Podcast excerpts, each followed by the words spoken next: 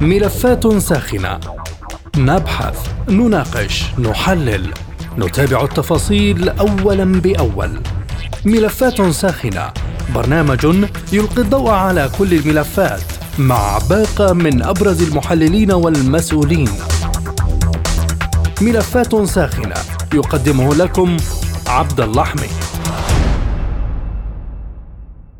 أهلا بكم في حلقة جديدة من ملفات ساخنة معكم فيها عبد اللحمي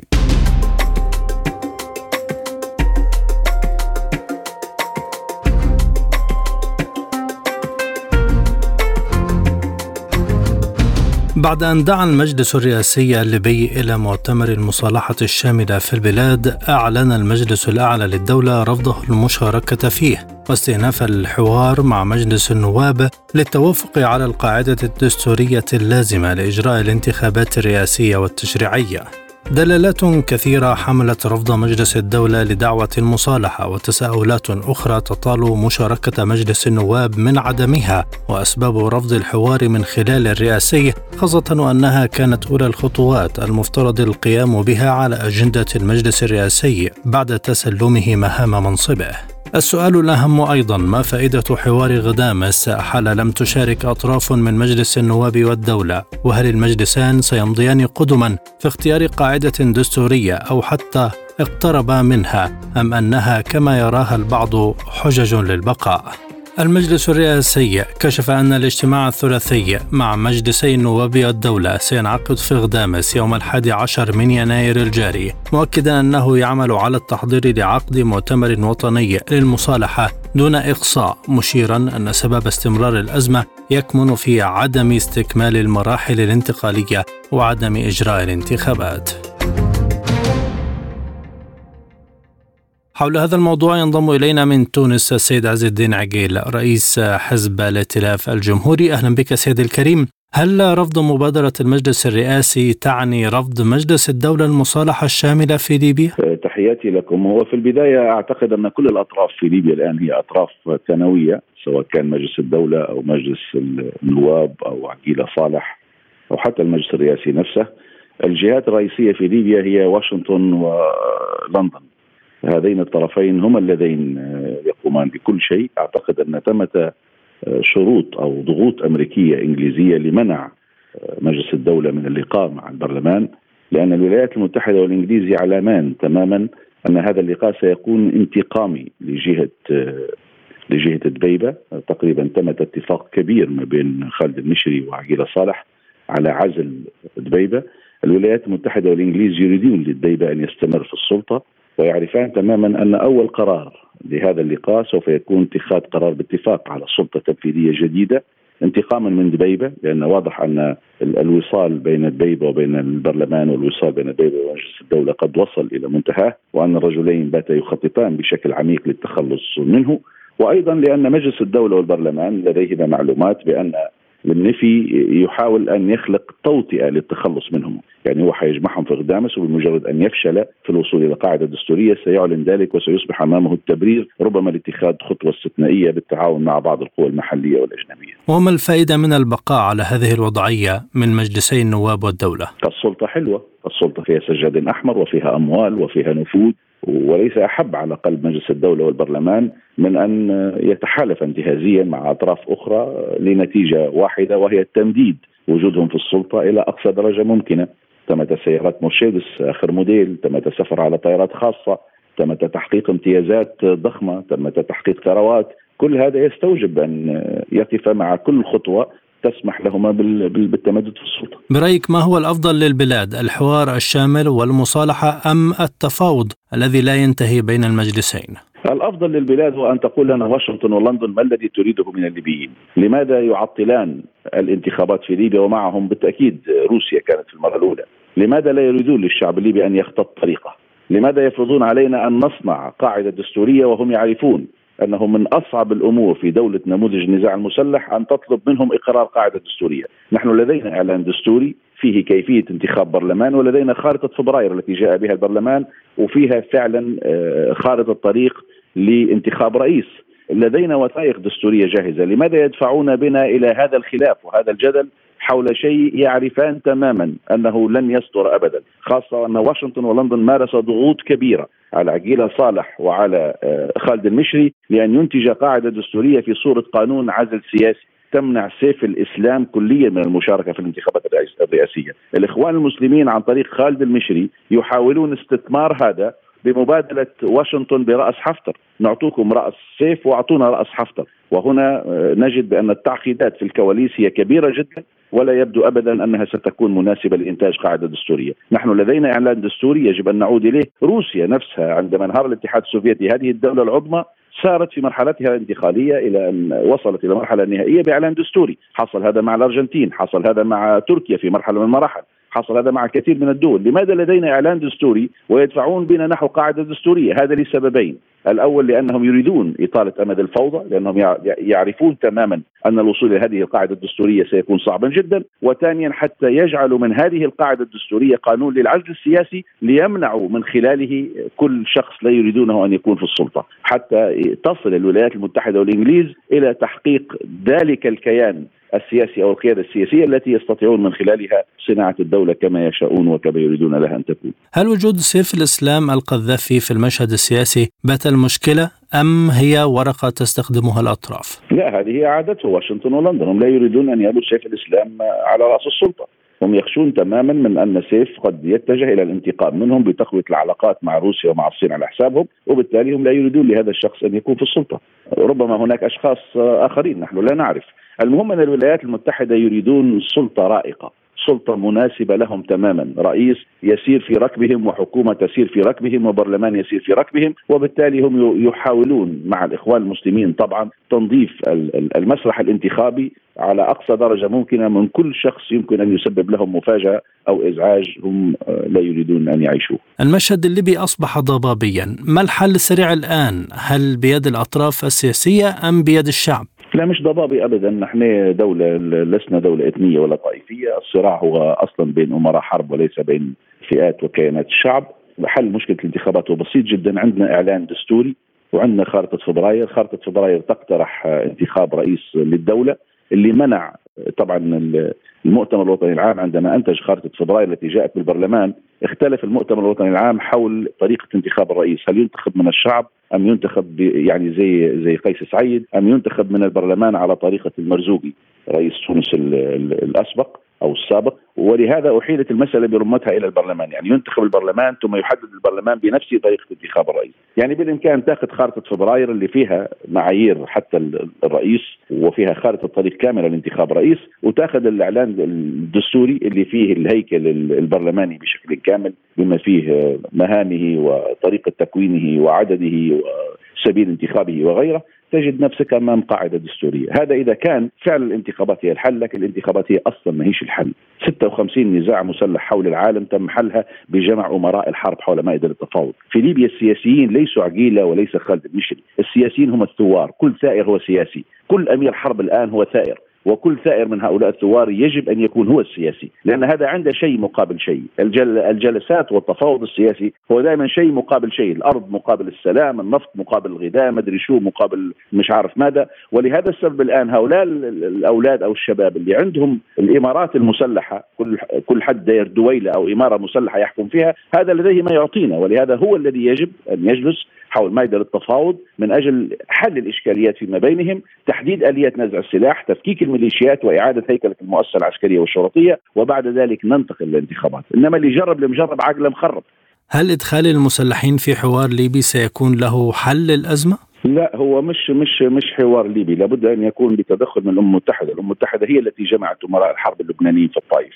المجلس الأمن هو الذي جمع أمراء الحرب في البوسطة والهرسك في دايتون، وهو الذي تدخل لحل مشكلة رواندا وبوروندي وسيراليون وأنغولا والبلقان. وبالتالي لابد من أن يكون هناك دور للأمم المتحدة كما كان في حالات سابقة لجمع أمراء الحرب حول مائدة التفاوض، هذا يتطلب قرار من مجلس الأمن، يتطلب تعيين بعثة أمنية برئاسة جنرال بقبعه زرقاء وليس هذه البعثة السياسية الفاشلة العقيمة التي تعبث بالليبيين ليل نهار اليوم. ويبدأ هذا الجنرال بقبعه زرقاء بجمع أمراء الحرب من خلال التعاون مع أطراف دولية. ومن خلال هذا الجمع وهذا التفاوض يمكن لأمراء الحرب أن يحددوا الإشكاليات إذا كانت حتى سياسية ولا من أي نوع كان فيما بينهم يحددوا آليات نزع السلاح تفكيك الميليشيات ثم يأتي برنامج ال DDR disarmament demobilization and reintegration الذي تنفذه إدارة حفظ السلام في الأمم المتحدة وتبدأ بنزع هذا السلاح وتبدأ بتقديم الدعم والمعونة في إعادة هيكلة المؤسسة العسكرية والشرطية وعندها نستطيع أن, أن, أن نقوم بكل شيء. المشكل السياسي الرئيس في ليبيا الآن هو الصراع على شرعية السلاح. هذا هذا هو جوهر الأزمة. ما عندناش أي إشكال سياسي آخر. ومشكلة الصراع على شرعية السلاح لها شقين. لها شق مركزي ما بين الجيش الوطني الذي يقوده المشير خليفة حفتر من جهة وكل أمراء الحرب في المنطقة الغربية من جهة أخرى ثم تمت صراع على شرعية سلاح آخر ما بين أمراء الحرب اللي قسموا المنطقة الغربية اللي هي طرابلس الكبرى قسموها إلى مجموعة من الدويلات المتنازعة على السلاح. وكلما دخل جماعة تابعة لأمير حرب على منطقة جماعة لأمير حرب آخر حتى يتم حتى يبدأ القتال وحتى تبدأ حرب داخل المنطقة تهدد المدنيين بكل بكل اصناف الأسلحة التي بين أيديهم. وبالتالي ما نحتاجه أساسا هو بداية الحوار ما بين أمراء الحرب اللي هم الثوار أو حتى أولئك الذين يدعون أنهم ثوار أو ثوار لا أدري لانهم خليط من كل ذلك. ولكن كل من يحمل سلاح الآن ولديه دويلة يتحكم فيها جيوسياسيا لأن حتى القضاء ما يقدرش يخش لمنطقته إلا باذنه كل هؤلاء يعتبروا سياسيين على كل الصعد وبالتالي هؤلاء هم الأولى بالجلوس حول ماده التفاوض. مش عقيله صالح ومش خالد المشري ومش دبيبه ومش النفي الذين لا أعتقد أنهم يتحكمون حتى ببيوتهم. شكرا جزيلا لك سيد عز الدين عقيل رئيس حزب الائتلاف الجمهوري. كنت معنا من تونس. من الجفرة ينضم إلينا الدكتور محمود زعقوب الكاتب والمحلل السياسي. أهلا بك دكتور. ما أسباب رفض مجلس الدولة للحوار الشامل الذي دعا له المجلس الرئاسي؟ أهلا وسهلا. في البداية المجلس الأعلى للدولة أو البرلمان. الإثنين صراحة متمسكين بالسلطة بشكل واضح. المجلس الأعلى للدولة هو امتداد للمؤتمر العام آه، اللي كان من 2012 الآن موجودين في السلطة نفس الأشخاص من 2012 لليوم. والبرلمان أعتقد أنه من 2015 أو 14 وهم متمسكين بالسلطة بشكل أو بآخر. وهي جملة من المراوغات السياسية. الآن هم رفضوا الذهاب إلى غدامس وغدامس طبعا ما هيش فكرة البرلمان ولا فكرة ولكن عبارة عن فكره للمؤسسات الأهلية والنشطاء الليبيين في كل الدولة الليبية بمختلف أماكنها وربوعها المجلس الأعلى للدولة مهما يصدر سيد الخالد خالد المشري ورفاقه المتمترسين خلف السلطة. مهما يصدروا من تبريرات لا يمكن قبولها في الشارع الليبي. لماذا لا يمكن قبولها؟ هل بسبب الأطراف السياسية أم مرفوضة شعبيا؟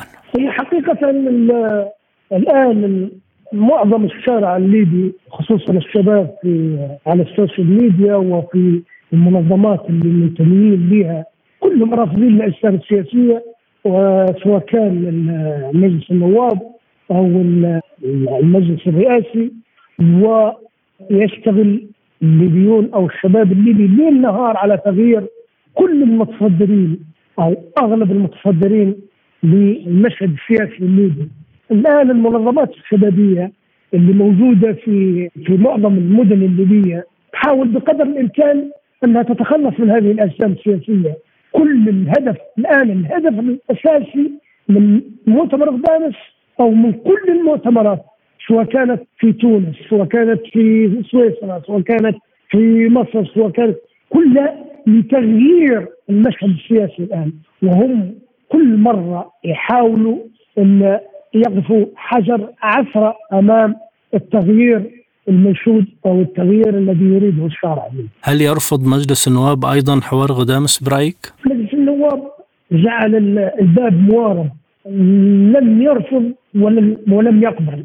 بل بالعكس الآن ربما بعد أن رفض المجلس الأعلى للدولة هو هو بالنسبة لمجلس النواب سوف يحاول أن يظهر بأنه ربما يقبل الحوار في غدامس.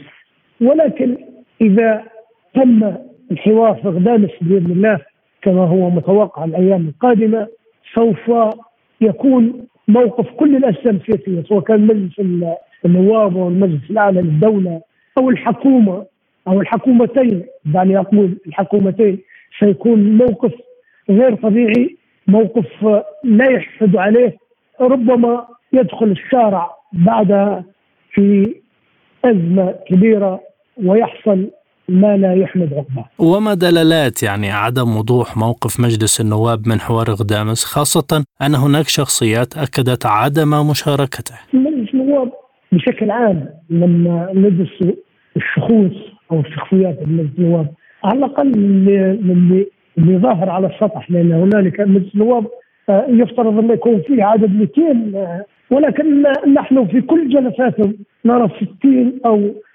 بالأكثر أو بال 80 نائب واللي متصدرين المشهد وباستمرار يظهروا في الإعلام وممكن يعرفهم الليبيون ممكن 50 أو 40 عضو فغير متفقين بشكل عام في حين أن المجلس الأعلى للدولة ترى أن سمة واحدة أو معظم هو طيف واحد أو لون واحد نادر أن ترى في بعض الألوان الأخرى. المجلس الأعلى للدولة طيف واحد صراحة وكأن دائما له راس واحدة يتكلم باسم المجلس الأعلى للدولة.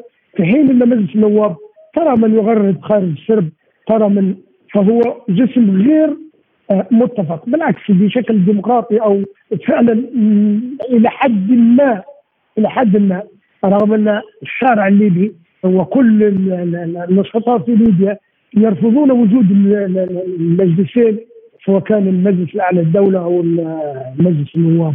فعدم الاتفاق من الالتفاف حول آه، مشهد أو رأي أو قرار واحد في مجلس النواب هو الذي لم يجعلهم واضحين في رفضهم أو قبولهم الذهاب إلى غدامس. إلى أي مدى عدم مشاركة أي طرف في غدامس سيكون له انعكاسات على الوضع الليبي؟ الاجتماع في غدامس ماضي حسب ما أرى من المشهد بشكل عام والشباب المنسقين لهذا لهذا المشهد هو حقيقة ليس شباب فقط وإنما حتى الأطراف الاجتماعية المنظمات المجتمعية بشكل عام كلها سئمت الوضع أو الركود اللي حاصل في المشهد السياسي الليبي يريدون الوصول إلى اتفاق واضح بحيث انها تصبح دولة واضحة بالفعل وكل يريد الاحتكام إلى صناديق الانتخابات وصناديق الانتخابات هم بالنسبة للمجلسين على الأقل المجلس الأعلى للدولة أو مجلس النواب. هم من يخرقون كل الاتفاقات اللي آه، تخص الانتخابات لأنهم يدركون بشكل مباشر وبشكل واضح وجلي ولا لبس فيه بأن الليبيون ليسوا راضون عن جميع من هم في مجلس النواب أو في المجلس الأعلى للدولة وأنهم سيفقدون كراسيهم وسيفقدون السجاد الأحمر الذي يمضون عليه وما آه، يرتزقون من مكافآت ومرتبات ومزايا فهم سيفقدون الكراسي اللي هم الآن باقون فيها لعشر سنوات أو أكثر فهم مظون في عرقله كل ما هو يؤدي إلى صناديق الانتخابات. برأيك صعب الوصول في هذه الوضعية إلى إجراء انتخابات؟ الانتخابات لابد منها. النشطاء الان اللي ينادوا بوجود أقدامس أو غيرها كلهم ينادون بوجود الانتخابات. هم يقولون إن نحن نريد انتخابات برلمانية فقط لا نريد انتخابات برلمانية ورئاسيه ذلك أعتقد أن ليس فيه إشكالية ربما القيام بالانتخابات البرلمانية أو التشريعية اولا ثم الانتقال إلى الانتخابات الرئاسية ثانيا. ربما يكون هنالك فترة بين الاثنين ولكن الانتخابات أصبحت مطلب شعبي في الشارع الليبي بشكل عام. كل الليبيون متفقون على أن الحل للمشهد الليبي أو للاحتباس أو الانسداد السياسي في ليبيا هي الانتخابات العملية الانتخابية اولا وأخيرا ثم التحدث عن باقي آه، مؤسسات الدولة أو الأعمدة الأخرى للدولة. شكرا جزيلا لك دكتور محمود يعقوب الكاتب والمحلل السياسي. كنت معنا من الجفرة. من طرابلس ينضم إلينا الكاتب والمحلل السياسي الأستاذ إسلام الحاجي أهلا بك سيدي الكريم. المجلس الرئاسي دعا لحوار شامل ومصالحة ليبية، لكن مجلس الدولة رفض وقال إنه سيستمر في التفاوض مع مجلس النواب. برأيك هل هو توافق بين المجلسين على تنحية أي طرف آخر عن المشهد السياسي؟ طبعا أكيد هو عملية الرفض والتي كانت يعني أنا توقعتها يعني في لقاء سابق مع أحد القنوات توقعت أن حيكون هناك رفض من المجلسين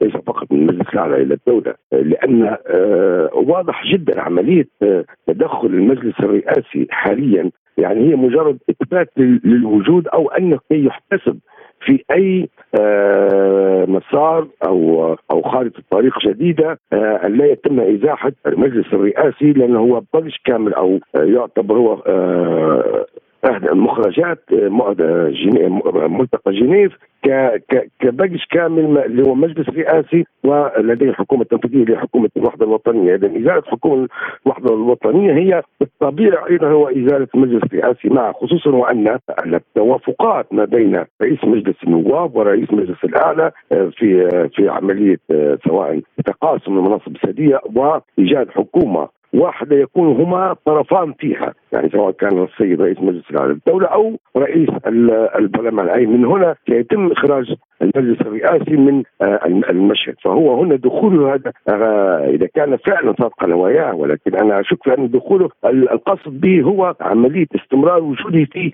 المشهد السياسي الليبي. أيضا آه، عملية إشراكه أو طلب إيجاد مثل هذا الحوار أو الملتقى بين المجالس الثلاثة بمعية السيد عبد الله بتيلي رئيس بعثه الامم المتحدة في ليبيا لكي يؤكد أكثر للمجتمع الدولي آه، بأنه آه، هو أحد أطرف الحل آه، في الأزمة الليبية. ولكن على العكس من ذلك المجلس الرئاسي ولتطبيق العديد من المهام أهمها كانت المصالحة الوطنية ولكن للأسف إلى يومنا هذا فشل في إيجاد حتى بدايات واضحة أو ملموسة للتوجه نحو المصالحة الوطنية والعدالة الانتقالية. فمن هنا تختلف النوايا في هذا التدخل من قبل المجلس الرئاسي وكان متوقع جدا عملية الرفض ما الذي يعطل خيار التوافق بين المجلسين؟ إن كانوا يريدون تشكيل حكومة جديدة والوصول لمرحلة الانتخابات؟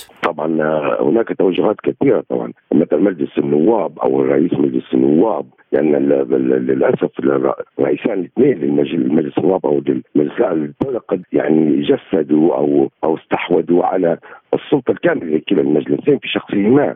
فعملية إن هم يتفقوا إلى توحيد مسار دستوري واحد وإيجاد قاعدة دستورية التي تعتبر يعني وجدت يعني ك ك كيف نقول لحضرتك قال الساعة وجدت يعني كان سبب أو ذريعة لاستمرار خلافاتهم خصوصا بعد التمسك كل طرف بالشروط اللي لديه. مجلس النواب طبعا آه، يطرح بانه يتقدم جميع الانتخابات بدون استثناء وبدون أي شروط معينة. والمجلس الأعلى للدولة يرفض ذلك. المجلس الأعلى للدولة متمثل الرئيسي لديهم توجه أيديولوجي خاص ولا ننسى أنه هو ليس فقط كرئيس مجلس الدولة ولكن يعتبر أحد القياديين المهمين في الإخوان المسلمين آه، في ليبيا. وهنا هو يمثل أيضا أيديولوجية خاصة بالجماعة التي يتبعها أو أو التوجه السياسي الذي يتبعه. مجلس البرلمان في حد أيضا لديه مطامع في أن يكون من المترشحين من هو من هو إحدى الممثلين له أو الأطراف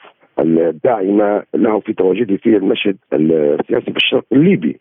فمن هنا الاختلاف بينهم يعتبر يخدم الصالح. للطرفين في عملية التمديد أكثر للتواجد في التمسك بالسلطه التشريعية في البلد والتحكم في المشهد السياسي الليبي وعملية مماطلة. وللأسف نجد أن حتى المجتمع الدولي المتمثل في آه، لجنة الدعم للأمم المتحدة في ليبيا وما تمثله طبعا من مجموعة الدول آه، فعلا تتماشى وتتماهى مع هذا التوجه إلى عملية التمديد والتمطيط وعدم إيجاد حل فعلا سريع. ولكن يعني فعلا نحن نريد حل سريع. يوجد هناك اعلان دستوري توجد هناك وثيقه فبراير التي اتفق عليها فيما سبق في المؤتمر الوطني العام ويمكن الاتجاه بها يعني تم يعني إقامة انتخابات بناء على ما هو موجود من مواد في الاعلان الدستوري رغم أنه اعلان دستوري هش ولكن من هنا تلاحظ أنهم يتعللون بأي سبب لا يصلون فيه إلى أي اتفاق بهدف التواجد المستمر أو لكسب أطول مدة للتواجد في السلطة في ليبيا والتحكم في المشهد السياسي الليبي. ومن هنا نستنتج وجود ضغوط خارجية على الأطراف السياسية لعدم الوصول لنتائج وإبقاء الوضع على حالة؟ طبعا. أنت أنت يعني كم كم اجتماع كان يعني خلال السنة الماضية 14 اجتماع المجلس الأمن بخصوص ليبيا. ستة قرارات منها طبعا في استثناء اثنين هي مجرد تمديد للبعثة لكم شهر. يعني يعتبر ثلاث قرارات كانت مهمة تخص الوضع في في ليبيا. وصدور قرارات ونقاط يعني آخر قرار كان 26 56 وما يتضمنه من نقاط آه، واضح بعملية آه، لازم آه، ضرورة الذهاب إلى خارطة طريق تؤدي بالبلد إلى انتخابات وتؤدي إلى مشاركة من الجميع، المادة الثالثة تقول إن في القرار عملية اختيار أو إيجاد بالحوار وبالتلاقي ما بين الأطراف هي لإيجاد حكومة تسيطر على جميع الأراضي الليبية سواء شرقا أو غربا أو جنوب. أيضا عملية عقد حوار واسع وشامل يضم جميع الأطراف الليبية وأيضا الاتجاه إلى المصالحه المصالحه الوطنية وتحقيق العدالة الانتقالية. هذه كلها قرارات صدرت عن الأمم المتحدة ولكن لم تطبق ولم يتم الضغط على الأطراف الذين يستطيعون فعلا الضغط عليهم وبسهولة بان يصلوا إلى توافق مثل ما حدث. في 2000 آه، في 2021 24 ديسمبر في الانتخابات السابقة التي اجهضت وكان يعني السبب القاهر الذي آه، صرح به عماد السايح رغم أنه لم يقل الحقيقة هو هو الدول العظمى التي تدخلت في الشأن. الليبي والتي عملت على ايقاف انتخابات رغم أن الاختلافات اللي كانت ما بين مجلس الدولة والبرلمان بخصوص قانون رقم واحد قانون رقم واحد لسنه 2020 بخصوص الانتخابات والترشح الانتخابات ولكن مع ذلك تم الخضوع لهذا القرار في الضغوطات ولكن نجد أن المجتمع الدولي عندما تم السماح لسيف الإسلام القذافي بالمشاركه في الانتخابات بعد الحكم الصادر من محكمة سبها. تغيرت المعادلة 180 درجة وتم الضغط على البرلمان. وعلى المفوضية لإيقاف العملية الانتخابية في 2021 لماذا سيف الإسلام يتكرر اسمه في كل مرحلة تنتهي بها الأزمة سواء في مرحلة إجراء الانتخابات والآن في مرحلة الحوار الشامل ويتم رفض الأطراف بسبب تواجده؟ طبعا أكيد سيف الإسلام هو يعتبر هو الملجأ الوحيد آه، للطرف الثالث في عملية الصراع داخل ليبيا. يعني مثلا آه، تم تقسيم الليبيين يعني للأسف يعني آه، جزء يتبع للشرق وما يوجد به من من قوة عسكرية برئاسة حفتر وعندنا القوه السياسيه اللي هي برئاسة السيد عقيله صالح. وأيضا الأطراف التي تعتبر نفسها تمثل ثوره فبراير أو فبراير فبرايريون اللي هم في الغرب الليبي وبالنسبة لي المؤيدين للنظام السابق نظام معمر القذافي وما يطلق عليهم طبعا هنا في ليبيا اللي هم الخضر أو السبتمبريون فيتمسكون بعملية إن يمثلهم السيد سيف الإسلام رغم أن هي تصريحات طبعا طريقة السياسي لأن لم يعني السيد سيف الإسلام لم يطلع يخرج يقدم برنامج لترشح الرئاسه ما هي فعلا نواياها الحقيقية والتي يسعى فيها إلى مثلا إيجاد أو المساعده في وصول الاتفاق لحل. شكرا جزيلا لك الأستاذ إسلام الحاجي الكاتب والمحلل السياسي كنت معنا من طرابلس. مستمعينا بهذا نصل وإياكم إلى نهاية هذه الحلقة من برنامج ملفات ساخنة طابت أوقاتكم وإلى اللقاء